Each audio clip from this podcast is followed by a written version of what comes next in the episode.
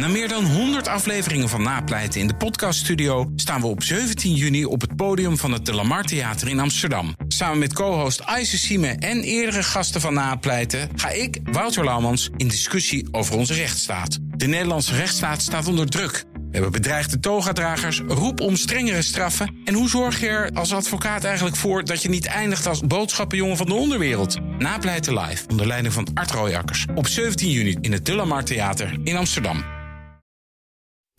BNR Werkverkenners wordt mede mogelijk gemaakt door BrainNet.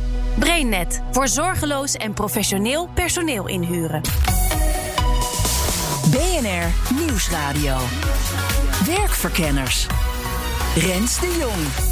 Heeft het eigenlijk zin om in een individuele werknemer te investeren? Staat of valt niet alles met het functioneren van het team? Beide zijn belangrijk.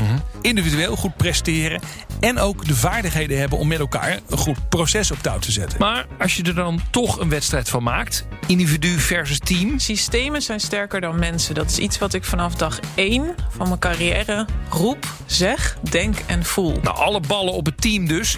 Hoe laat je dat optimaal functioneren? Dit is echt iets wat de leidinggevende van het team, de teamleider, die moet dit doen. Die moet het voortouw nemen. Nou ja, de vraag is hoe dan? Ik denk dat voor leiderschap een heel belangrijke rol weggelegd is om ook voor te gaan in dat respect voor tijd en aandacht. En niet als ik nu wil weten hoe zit het met dat project, jou nu daarover te storen. En afrekenen met de grote stoorzenders. We zeggen als de devil is de default. Hè. De standaardinstellingen zijn heel lawaaiig van een heleboel software en hardware. Dus als je zegt die mag je gerust allemaal uitzetten. Bepaal zelf met welke frequentie je de inkomende stromen managt. En dan ook nog het hogere doel voor ogen houden. Maar ik beken dat ik daar toch een beetje kriegel van word. Toch? Toch, toch, toch, als we zeg maar even gewoon de hele nare eh, organisatie lingo en missies en zo eraf halen. Als jij niet weet wat het doel is van waar je elke dag mee bezig bent, dan kan je dus ook geen systeem daaromheen richten wat werkt om jouw doel te behalen. Werkverkenners. Wie zijn organisatie optimaal wil laten draaien, kan zich beter op de systemen, op de groep richten dan op het individu. Dat hoor en dat lees ik steeds vaker. Maar hoe belangrijk is het team als geheel dan precies voor het laten slagen van werk? Ik ben Tosca Gort, arbeidspsycholoog en oprichter van gortcoaching.nl. Dat is het grootste coachbureau van Nederland. Het probleem is vaak niet de mensen, maar het systeem. Eens. En waarom? Omdat, kijk maar naar Noord-Korea. Daar wonen ongetwijfeld fantastische mensen. die in zo'n intens ziek systeem zitten. dat ze daar niet meer uit kunnen. Ehm, en dat is natuurlijk op hele grote schaal een heel heftig voorbeeld. Maar ook op kleine schaal zijn systemen sterker dan mensen. Je kunt wel inderdaad je individuele productiviteit proberen te verbeteren. Maar als je in een rot systeem zit, wordt het helemaal niks. Zie jij voorbeelden in de praktijk? Ja, de hele dag. Vertel. De hele dag. Ehm, kijk, als je zegt van ik wil een groep samenwerken... en wij moeten samen naar dat hogere doel, die missie, whatever... eh, toewerken, moet je toch... Ja, weer zo'n woord, maar die alignment, dus die overeenkomst met dat je allemaal naar dezelfde doelen toewerkt, moet je gewoon hebben. En dat vind ik zo ook kwalijk aan de huidige situatie, is dat wat je merkt, is dat daar heel veel zachte communicatie voor nodig is. Dus je moet elkaar even spreken na de vergadering, je moet elkaar even, je moet als het ware die verbinding met elkaar lijmen om naar datzelfde doel toe te gaan. En je ziet gewoon dat daar nu minder tijd voor wordt genomen. Dus wat ik echt durf te wedden, is dat nu in heel veel bedrijven mensen heel hard aan het werk zijn naar een heel ander doel toe dan Oh ja? wat de bedoeling is. Oh ja? Ja, omdat, omdat zij gewoon. Er, ja, er wordt gewoon veel minder afgestemd. Er wordt veel minder op dat soort dingen gestuurd op dit moment. En zitten er dan, eh, kun jij ook rotte appels aanwijzen van daardoor gaat het mis, behalve dat die doelen niet gealigned zijn? Nou ja, waar het absoluut misgaat, is, is op een aantal dingen. Bijvoorbeeld als je cultuur. Ehm, echt, als je echt problemen hebt met je cultuur. En wat betekent dat? Wanneer heb je problemen met je cultuur? Nou, als je, als je bent afge. Ehm, bijvoorbeeld, dat zie je wel eens in reorganisaties, dat mensen dan echt mega gaan backstabben, alleen nog maar met hun eigen belang bezig zijn, hun salaris aan het binnenhalen zijn. Weet je, alles wat ze nog kunnen pakken, pakken ze. Ehm, maar die, dat is niet alleen in reorganisatie. Je hebt soms dat de cultuur kan afzakken naar een soort gevangenisniveau waar mensen in overleefstand gaan. Niks met elkaar durven te delen, eh, niet eerlijk meer durven te zijn, geen kritiek durven te geven. Nou ja, en dat zijn allemaal signalen van als je dat hebt in je cultuur, vergeet het maar met je systeem. Ja, Tosca Gort omschrijft het ontbreken van van psychologische veiligheid. En dat is iets waar mijn volgende gast ook erg op hamert. Mijn naam is Ben Tigelaar. Ik uh, schrijf voor NRC. Ik maak dingen voor BNR. En ik uh, ben uh, van oorsprong gedragswetenschapper. Dus ik hou me bezig met menselijk gedrag en hoe je dat kunt veranderen. Ja. En heel veel bezig met ook gedrag op de werkvloer, toch? Ja, precies. Ja, al die dingen hou ik daarbij richting me vooral op de werkomgeving. En vooral ook, ja, hoe geef je nou leiding? Hoe kom je tot verandering in een bedrijf? Ja. Wat is voor een organisatie belangrijker? De vaardigheden van het individu of het functioneren van een team? Kijk, je moet het zien als een estafette. Dat is ik vind dat een mooie metafoor. Als je een estafetteloop hebt, dan moet je uiteindelijk uh, allemaal individueel goed kunnen rennen. Maar de overdracht, zeg maar, eh, het overgeven van het stokje aan de volgende, ja, dat moet ook goed gebeuren. Dus dat betekent dat je eh, net een beetje naast elkaar moet rennen. Je moet het goed overgeven. Je moet goed afspreken hoe je dat precies doet. En je moet ook goed afspreken wie wanneer welk stuk gaat rennen. Ja. Waar gaat het vaakst mis? Ja, ik denk dat die overdracht in bedrijven vaak mislukt. Want bij een estafettewedstrijd lukt het nog wel om het stokje over te geven. Maar het stokje overgeven in uh, ja, regulier werk is, is vaak wat complexer. Mm -hmm. Het goed functioneren van een team hè, hangt ook af van een soort met van psychologische veiligheid. Ja, het grappige is dat, uh, ja, kijk, elkaar vertrouwen, uh, je kwetsbaar durven opstellen. Het zijn allemaal dingen waar het best wel veel over gaat de laatste jaren. En uh, wat dat onder meer heeft aangewakkerd, dat was een onderzoek wat in 2016 werd gepubliceerd. Dat was binnen Google was dat uitgevoerd. Die hadden zo vier, vijf jaar hadden ze nou, bijna 200 teams gevolgd. Hadden ook een grote analyse gemaakt van alle beschikbare literatuur. En die hadden gekeken, wat, wat maakt nou dat een team echt productief is? Dat er echt leuke, innovatieve, goede ideeën uh, worden bedacht, maar dat die ook naar de markt worden gebracht. Er waren allerlei dingen die een rol speelden. Uh, bijvoorbeeld dat je op elkaar kunt rekenen. Of uh, dat je ook uh, vindt dat je werk betekenis heeft. Nou, allemaal die dingen die we wel kennen. Maar eigenlijk het constituerende element. Hè, wat, wat echt zeg maar de, de basis was voor alles. Was psychologische veiligheid. Durf ik in deze groep sociale risico's te nemen. En wat dus, bedoel je dan met sociale nou, risico's? Sociale risico's die kunnen uiteenlopen van... ik stel een vraag, een beetje een domme vraag misschien. Ik had het eigenlijk misschien moeten weten. Dus hou je dan stil. Dat je denkt, nou, ik zoek dat later wel even uit. Of stel je die vraag gewoon. Of je hebt een idee en je weet, het idee is niet af. Het is zomaar een idee. Leg je het op tafel, zoals je dat bij vrienden zou doen. Of zeg je, nou, wacht liever even, want ik maak het eerst even goed klaar. En anders word ik toch uitgelachen met het idee. Dus des te veiliger je voelt, des te sneller leg je iets op tafel. Des te sneller uh, wissel je ideeën uit. Uh, geef je feedback, vraag je ook feedback aan elkaar. En dat geeft een, enorm, ja, een enorme vergroting van de snelheid van het Oh leren, leren in een team. En ik heb nog een gast en die wil het investeren in het individu niet te snel overboord gooien. De kennis die iemand opdoet, kan hij ook inzetten voor het team. Arjen Broer, ik werk als uh, trainer Getting Things Done bij Meer Effect. Dat betekent dat ik fulltime bezig ben met het trainen rond productiviteit. Ik schrijf er ook over, wat boekjes in de dummiesreeks gemaakt. En ik vind het vooral leuk om praktische tips rond productiviteit te delen. Ik heb gelezen, het heeft eigenlijk niet zo heel veel zin om een individuele Getting Things Done training te doen. Want het systeem drukt eigenlijk Mhm. Al je goede bedoelingen weg. Ja, ja. ja wat, wat ik zelf mooi vind, David Allen, de schrijver van het boek, wat veel uh, mee doen. Die zegt: kun je team leren lezen? Nou, dat kan niet. Hè? Ik bedoel, je kan individueel lezen. Maar als een team kan lezen, dan gaat dat team natuurlijk wel met sprongen vooruit. Dus ik denk dat het allebei waar is. Dat als mensen individueel er niet zoveel van bakken, dan gaat het team niet vooruit. Als een paar mensen er veel van bakken, gaan die ook niet heel erg vooruit. Maar de combinatie van goede professionals en een team dat elkaar uitdaagt en prikkelt. En zeker met leiderschap, Mhm. dat ook een beetje durft op te porren. Ik denk dat dan er een heleboel meer uit teams kan komen dan nu. Stel je voor, je bent zelf een enorme time ninja. Ja. Je hebt altijd van die idioten die jouw inbox zien als jouw agenda. Ja, ja. Eh, of dat de baas opeens eh, alles aan de kant schuift en zegt: Ja. dit moet nu gedaan worden. En dan gaat toch je productiviteit hard Zeker, naar beneden. Zeker. Ik zeg altijd, als je de training in je eentje doet en je komt terug op je werk, dan word je nog scherper in de kwaliteit van mails. Het feit dat je moet storen om te zien waar die in een project is. Dus je wordt in het begin kan je dat zelfs een beetje katerig ervaren. Totdat je denkt, maar ja, je hebt nou praktische skills geleerd. Wat als je nou in een vergadering eerst voor een actiedenken afspreekt? Als we beslissen dat we iets doen, wat doen we dan precies? Dat je afspreekt, als we mail gebruiken, laten we dan even afspreken hoe we dat doen. Nou, en dat is wel eens de kunst om als individu ook de ruimte te nemen, of desnoods leiderschap uit te dagen, om over die dingen afspraken te maken en wat meer respect voor elkaars tijd en aandacht. Want daar word je denk ik heel kritisch op als je er zelf preciezer mee bent. Ja, dat is interessant. Hè? Hoe zie jij teams die weinig kritisch zijn op elkaars tijd? Primair gewoonten. Ik wil nu iets weten, dus ik ga jou nu onderbreken. Ook als het helemaal niet urgent, helemaal niet dringend is, maar ik kan er gewoon niet tegen dat als ik het nu niet weet. En op het moment dat jij denkt, oh lekker, iemand vraagt me iets, ik kan een soort reddercomplex, ik kan helpen. En ik hoef niet na te denken wat ik anders zou doen in die tijd. En voor je het weet heb je het meer over het werk dan dat je werk doet. Ja. Geef eens voorbeelden van teams waar, waar, waarvan jij dan binnenkomt als trainer.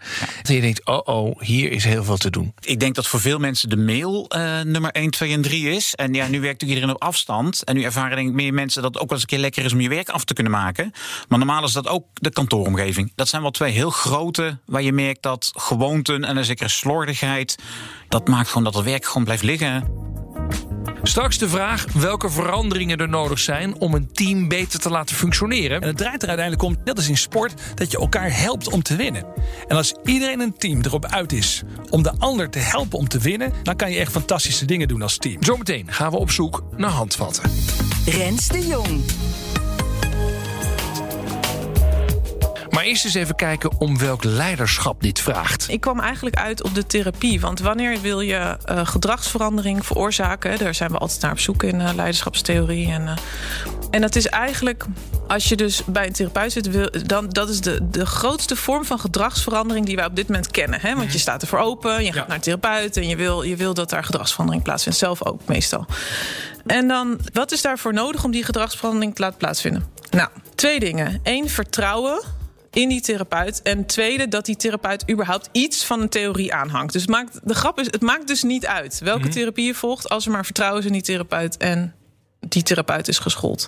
Nou, datzelfde zou je dus ook kunnen zeggen voor leiderschap in de organisatie. Op het moment dat er dus een leiderschap of een doel nodig is, wat heb je dan nodig? Kennis over leiderschap, überhaupt. Kennis over missies stellen, doelen stellen. Of je nou Simon Sinek volgt of whatever. Het maakt dus grappig genoeg niet uit. En vertrouwen in dat systeem. Dus, dus die alignment en dat, die cultuur, dat, dat, dat gevoel van we zijn daar inderdaad mee bezig en ik sta daarachter. Mm -hmm. En eigenlijk ben je er dan al. Ja, ja. Um, maar, maar, dan zeg jij dus eigenlijk: alles wat je gaat doen om mensen te verbeteren, of het proces binnen een bedrijf te verbeteren, dat zou je altijd in een soort groepsdynamica-achtig iets moeten doen. Nooit individueel gaan doen, want dat, dat, dat verliest het gewoon van het systeem. Ja, en op individueel niveau heeft het natuurlijk wel zin. Want kijk, een, een groep is niks zonder het individu. Mm -hmm. Dus wat is het samenhang tussen het individu en, het, en, het, en de groep? Is het individu moet de kennis hebben. Ja. Want als je die niet traint en je gaat die niet überhaupt een, een theorie aanleren over hoe getting things done of Pomodoro of uh, gooi hem er maar in, dat maakt niet uit. Dan krijgt de groep dus ook niks voor elkaar. Ja. Dus vandaar dat dat individu, individuele trainen nog steeds heel belangrijk blijft, ja. omdat die kennis moet er zijn. En vanuit die kennis kan je naar een 1 plus 1 is 3 situatie okay. dat de groep effectiever wordt. Voor Ben Tigelaar is onderzoeker Amy Edmondson een belangrijke inspiratiebron. Zij noemt een paar dingen. En dat is niet per se je kwetsbaar opstellen in de zin dat je alles er maar uitgooit elke dag. Dat je zegt, oh, ik voel me vandaag zo slecht. Zo. Dat is helemaal niet waar het om gaat. Het gaat eigenlijk eerst, uh, wat ze dan noemt, om setting the stage. Dus dat betekent dat je zegt, jongens, wij willen toch gewoon een team zijn... waarin je met elkaar alles kunt bespreken. Als je een idee hebt of je vindt dat iets niet goed gaat... dan gaan we niet wachten tot het misloopt. Dan gaan we zo snel mogelijk op tafel leggen. Willen we dat ook allemaal? Dat is setting the stage. Het tweede is dat je als leidinggevende zorgt... dat je mensen ook uitnodigt om dat te doen. Dat betekent veel vragen stellen. Niet doen of je alles wel weet. Ook als jij denkt, ik heb een domme vraag als leidinggevende... stel hem gewoon. En dan mag je best een beetje overdrijven. Want iedereen moet eigenlijk gewoon zien dat dit normaal is om te doen. En het derde, en dat is eigenlijk ja, dat is een beetje ouderwetse gedragsleer. Daarom spreekt het mij ook wel aan misschien. Dat is bekrachtigen. Als mensen het doen, dan moet je ze als het ware daarvoor complimenteren. Mm -hmm. Of knikken, of in ieder geval waarderend reageren. Zodat je dus met elkaar stapje voor stapje het samenwerkingsgedrag, wat echt helpt, dat je dat stimuleert. Ja, het grappige eraan is, is namelijk dat er ook een school is die zegt: Nou ja, mensen moeten gewoon zelf een beetje bepalen hoe, hoe ze alles gaan regelen en hoe ze hun werk willen doen, want dan gedijen ze zelf heel goed. Hier hoor ik toch ook wel een manager die zegt: nee, maar ik wil het zo hebben. Ja, maar het is ook Valt beetje... dat te rijmen met elkaar? Uh, nee, niet helemaal. Ik moet eerlijk zeggen dat als het gaat bijvoorbeeld over zelfsturing, of laten de mensen over, dat is een volkomen onderschatting ook van wat ik bij kom kijken om een team goed te laten functioneren. Dus wel, dit soort onderzoek, daar doet Google vier, vijf jaar over. Mm. En dan zou je bijvoorbeeld zeggen tegen mensen van nou weet je, we doen gewoon een beetje zelfsturing. En zoek jij dan lekker uit hoe je wilt samenwerken met elkaar. En die kennis die mensen als Amy Edmondson verzamelen of de mensen van Google of zo. Ah, dat is allemaal niet waardevol. Ja, dat is echt flauwekul. Ik bedoel, het is gewoon een totale uh, disqualificatie in het vak van management op het moment dat je er zo naar kijkt. Ja, kortom, je moet wel als leidinggevende, als leider, als manager proberen het systeem ik noem het toch maar het systeem, ja, ja, ja, uh, uh, vorm te geven, zodat mensen volgens de set of rules gaan functioneren en dan de vrijheid daar weer nemen. Ja, wel een set of rules, maar dat is eventjes mijn achtergrond die spreekt. Hm. Een set of rules die evidence-based is. Het moet wel ergens over gaan. Kijk, ik bedoel, ik snap wel dat sommige mensen zeggen: nou, laat die managers maar, we regelen het zelf wel. Want op het moment dat een manager zich ook niet verdiept in de vraag hoe je dit soort dingen optimaliseren kunt, mhm. ja, dan heeft het natuurlijk ook geen zin dat hij er zit. Nee. Kun je dat nog een naam geven, dit soort leiderschapstijlen, of niet? Ja, dat vind ik, vind ik een beetje ingewikkeld. Het begrip heet uh, psychologische veiligheid. En dat vind ik gewoon wel een goede term om te blijven hanteren. Niet omdat het de allerbeste term is, maar omdat het inmiddels binnen heel veel HR-afdelingen wel gemeengoed is geworden. Om zo te kijken naar, uh, naar hoe teams zouden moeten functioneren. En ook Arjen Broeren die pleit wel voor sturing, maar dan vooral in de manier waarop je werkt. Ik denk een soort, soort rationalisering wat, wat heeft het werk dat we doen nodig? Hoe kan ik iedereen dan ondersteunen? Uh, en ik denk ook iets meer erkennen dat systemen nodig zijn. Mm -hmm. zowel afspraken die we maken als digitale systemen. En dat, dat zeg maar, die vrees om de autonomie van kenniswerkers ergens te krenken. Zeggen dat geldt voor de professie zonder meer, maar voor hoe je werkt niet. De meeste mensen weten gewoon niet hoe ze moeten werken, punt. Ah, dus jij zegt, uh, uh, wat, je hoort heel veel over holacratie, et cetera. Waar, waar, mensen gewoon zelf, zelfsturende teams Zeker. zijn. Jij zegt, op de inhoud moeten mensen vooral zelf beslissen hoe, wat ze gaan doen en, en wat er belangrijk is, et cetera. Maar systemen, daar moet je mensen gewoon in begeleiden en eigenlijk ook een beetje duwen. Ik denk dat je daar, en dat is denk ik in holocratie nog meer dan in andere systemen. Ik denk dat daar vrij strakke set regels zijn, waardoor je kan zeggen: joh, dat is mijn rol en niet de jouwe. En ik denk ook, ook het digitale, dat, dat, dat een beetje deemoedig doen over de digitale vaardigheden. En wat je, terwijl je, het is een hefboom. En het is ook een bron van problemen als je het niet eigen bent. Dus als, als ook mensen, als ik in een coaching naast iemand zit en ik zie mensen Outlook gebruiken, dan denk ik: noem eens één vak waarin je je gereedschap zo beroerd kan bedienen en toch een goed belegde boterham kan verdienen. Er is geen loodgieter die meer weg zou komen om zijn gereedschap zo slecht te gebruiken als kenniswerkers hun aandacht of een hard en software. Dus daar mag je, ondanks dat iedereen altijd uh, zegt, nou ik bepaal het allemaal zelf wel. Hier mag je als leider eigenlijk best dwingend zijn. Dit is het systeem dat we gebruiken, zo wil ik het hebben. Uh, en de rest mag je over alles beslissen, maar je werkt wel volgens deze ground rules. Ik denk dat je ook zegt, er is niks tegen in te brengen. Maar ik heb ook, we hebben een keer een team begeleid, die hadden een uh, overleg op maandagochtend. En dat liep niet lekker. En die hadden een planbord, dat hield niemand bij. En eigenlijk was het idee dat overleg loopt niet lekker omdat niemand het planbord bijhoudt. En toen was het idee van als dat planbord op vrijdagmiddag niet bij is en maandag is de call, dan moet er iets gebeuren. En dan merk je toch dat de manager lastig vindt om als een heel team expliciet vraagt: help ons en elkaar dat op vrijdag te doen. Want er zijn altijd andere dingen. Maar op maandag willen we een actueel bord. Zodat we het bespreken kunnen bericht houden tot wat is nou over de kwestie te bespreken. Mhm. En dan merk je toch dat iemand toch een beetje aarzelt. Ondanks het team echt vraagt, doe dat. Nou, toen was mijn vraag ook, wat heb je dan nodig om het te doen? En zei ja, ik doe dit nooit. En het hoeft ook nooit met professionals. Ik zei, nee, maar ja. Nou ja, en toen heeft hij ook gezegd van prima, dan maak ik het eerst ludiek. dus ik ga belonen wie het goed doet. En ik ga, uh, nou ja, mensen een, een ludiek strafprijsje geven als het niet goed doen. Dus je merkte zeker uh, onhandigheid met gewoon vrij duidelijk zeggen: joh, dat is niet af, dat zou af zijn. Maak het nog even in orde. En dan de vraag hoe een team zo optimaal mogelijk functioneert. Eerst even een korte theorieles. Als je kijkt naar de tribal leadership theorie, dan heb je verschillende fases van ontwikkelniveaus. Nou, dan heb je eerst die gevangeniscultuur. Stage 1 is niemand bezig met met elkaar uh, actie te hebben. Nou, stage 2, dan zijn mensen helemaal slachtoffer. Dan zitten ze in een cultuur, maar dan, uh, willen, dan willen ze het eigenlijk niet. En dan, oh, het zal mijn tijd wel duren. Computer says no, dat.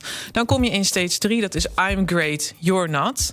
Nou, en dan komen we in de stage waar gewoon de meeste bedrijven in Nederland zitten. Namelijk gewoon, ik wil excelleren in wat ik doe. Ik wil de beste arts zijn. Ik wil de beste wetenschapper zijn. Ik, ik, ik. Um, en ik wil gewoon excelleren en ik haal mijn dingetjes en whatever. En dan ga je naar stage 4 en dat is we're great. Dus daar zie je ineens hmm. van stage 3 naar stage 4 een sprong in cultuur en ontwikkel, ontwikkeling van een, uh, van een maatschappij of bedrijf. En dan stage 5 is dan utopia van we're great, come join the party. Dus dan is je systeem eigenlijk zo sterk dat ja. iedereen kan zich daarin vinden en dan toch verwater je niet als maatschappij. Nou, vertel mij van 3 naar 4, die ja, lijkt me het mooiste. Precies, dus van 3 naar 4, dat is eigenlijk wat je, wat je, wat je wilt bereiken. En wat ook heel leuk is om te weten trouwens, is wat heel veel mensen niet weten, is je kan niet uh, van twee naar vier. Want je moet dat ego hebben. Je moet die I'm great hebben. Om überhaupt het zelfvertrouwen te hebben. Om door te stoten naar zeg maar, stage 4. Leider te worden. Namelijk vanuit dat zelfvertrouwen. Dat zelf goed willen functioneren. Moet je naar een. Ja, maar ik wil eigenlijk dat mijn mijn clubje goed functioneert. Jij zegt van nou, hoe dan? Je moet het begrijpen waarom het zo belangrijk is. Dus bedrijven in stage 4 verdienen meer. Um, zijn meer effectief, maken meer winst. Hè? Good to great. Dus wat je wil is dat mensen niet meer als lone wolves proberen te overleven in een slecht systeem. Je wil dat al die lone wolves, al die ego's, al die fantastische mensen die Nederland en bedrijven heeft, dat die ingezet kunnen worden voor, voor het verbeteren van dat bedrijf. En daarmee ook de winst van dat bedrijf. En daarmee komt Tosca Gort weer op haar eerdere punt. Als je de kennis hebt waarom iets goed is en je vertrouwt op de aanpak, dan maakt het niet uit met welke specifieke methode je werkt. Als Arjen Broeren met een groep aan de gang gaat, dan hoeft hij ook maar twee woorden te noemen. Je noemt vaak het woord e-mail of vergaderen en uh, er komt een bak ellende. Ja. En dan zeg ik vaak ook, dat is wel verrassend, hè, want jullie weten kennelijk precies hoe het moet. Uh, dus waar zitten die mensen die het niet goed doen? Nou ja, en dan blijkt dus iedereen heeft zo zijn momenten. Ja. En dan is het gesprek, willen we met z'n allen investeren om er ook met z'n allen beter van te worden? Dus bijvoorbeeld een e-mail-etiketten of een checklistje met zeven dingen waar de vergadering aan moet voldoen voordat die door mag gaan. Als je die op de deur van een vergaderzaal hangt. Zijn hele praktische discussiestarters. En het enige wat je dan in Nederland misschien nog meer in andere landen moet zeggen is: als we regels maken, mogen we elkaar dan ook aan houden. En dan geven we vaak mensen vijf e-mails die ze terug mogen sturen als iemand zich niet in de regels houdt. Dus als iemand een hele lange mail stuurt, mag daarna iemand TLDR. Too long did not read. Nieuwe poging. Nou, door die vijf mails af te spreken, die mag jij nu dus sturen als ik een beetje een typische mail doe. Kunnen mensen zeggen: Oh, wacht, dit is er één. En dan sturen ze die mail. En het heeft natuurlijk een beetje een knipoog, maar tegelijkertijd is het toch heel serieus. Je loopt leeg in de mail, je knijpt in een zak letters en ik moet er maar het bijna van maken. Dat mag je nog eens opnieuw doen. Dus het zijn praktische discussiestarters. En ondertussen vrij serieus zeggen: wat zijn nog goede best practices rond communicatiemiddelen, rond bestanden delen. Rond nu ook hè, de discussie rond Microsoft 365. Welke mensen frustreren dit proces het meeste? Um, ik denk dat hetzelfde onwil is, maar vooral gewoonte. Mm -hmm. De gewoonte dat als ik nu iets wil weten, dat gekke teams waait ook alweer over. Um, vergaderen kunnen we toch prima over een half uurtje inschieten en dan met z'n tienen doen. Ondanks wat er in je agenda stond en ondanks dat niemand voorbereid is. Ik kan toch best iets voorlezen in de vergadering en dan moet je al luisterend er maar over beslissen. Ik denk dat gewoonten de vijand zijn van productiviteit. Je team is zo sterk als je zwakste schakel en dus moet je daarnaar op zoek, zegt Ben Tichelaar. Als het gaat om menselijke samenwerking, zeker als het ook gaat om zoiets als psychologische veiligheid, ja, wat is dan een zwakke schakel. Mm -hmm. Je hebt natuurlijk mensen die bijvoorbeeld misschien wat minder presteren. Daar zou je naar kunnen kijken. Maar veel interessanter, en dat is wat Bob Sutton, een Stanford-hoogleraar, eigenlijk al jaren zegt, is dat je moet kijken naar de mensen die eigenlijk zorgen dat de veiligheid naar de knoppen gaat. Oh. Mensen die ervoor zorgen dat de betrokkenheid van anderen dat die ondermijnd wordt. En die mensen, die ondermijners, of uh, zijn vaak mensen die heel denigrerend ook naar anderen doen, die misschien zelf heel goed presteren, maar tegelijkertijd zijn ze, hij noemt ze assholes. Hij zegt, hij zegt je moet een een beeld. Ja, ja je, moet, je, moet, je moet in je team moet je een no asshole rule hebben. Eigenlijk moet je dat in je bedrijf hebben, want die assholes die presteren zelf misschien wel heel goed, maar door hun gedrag naar anderen toe uh, ondermijnen ze eigenlijk die hele belangrijke dingen als onderling vertrouwen of die psychologische veiligheid of überhaupt, überhaupt dat mensen zich durven uit te spreken. Maar dat betekent dus wel dat je die hele goed presterende, iets wat excentrieke types er dus uit moet gooien soms. Ja, dat is wel zijn uh, advies. En hij heeft het ook doorgerekend. Dat is natuurlijk het leuke van zo'n Stanford-man. Die gaat niet alleen maar een beetje zitten uh, denken van nou, dit zou het wel eens kunnen zijn. Maar die hebben een uitgebreid research project uh, gedaan. Waarbij ze ook laten zien dat de iets hogere productiviteit van zo'n asshole, om hem nog maar even zo te noemen. Het zijn ook vaak mannen trouwens. Mhm. Mm -hmm. uh, de iets hogere productiviteit van zo'n asshole doet eigenlijk zoveel productiviteit in zijn directe omgeving teniet. Uh, dat hij uh, uiteindelijk dat je in de min eindigt. Goed, het individu is ook belangrijk, want je bent zo sterk als je zwakste schakel. Maar uiteindelijk is het functioneren van het team veel bepalender voor de productiviteit. En hoe stuur je een team dan zo goed mogelijk aan? Nou, hoe je dat precies aanpakt, dat maakt niet zo heel veel uit, zegt Tosca Gort. Als je maar aanstuurt. En dat je moet aansturen, nou daar zijn alle drie mijn gasten van overtuigd. Om een team optimaal te laten functioneren, moet je de rotte appels eruit halen. Dat kunnen uh, vastgeroeste gewoontes zijn, waarmee je de rest uit de concentratie haalt. Maar het zijn ook vaak de assholes die de psychologische veiligheid ondermijnen. En al zijn ze zelf nog zo goed en productief, hun schadelijke effect op de groep is groter. Dus zorg voor asshole-vrije teams. Nou, dit is werkverkenners voor deze week. Volgende week dan krijg je weer een verse op dinsdag om half vier. En in je podcast-app kun je hem op ieder moment terugluisteren. Tot de volgende keer. Dag. BNR Werkverkenners wordt mede mogelijk gemaakt door BrainNet. BrainNet voor zorgeloos en professioneel personeel inhuren. Ook Thomas van Zeil vind je in de BNR-app. Je kunt live naar mij luisteren in Zaken doen. De BNR-app met breaking news, het laatste zakelijke nieuws... en je vindt er alle BNR-podcasts, bijvoorbeeld Het Nieuwe Geld. Download nu de gratis BNR-app en blijf scherp.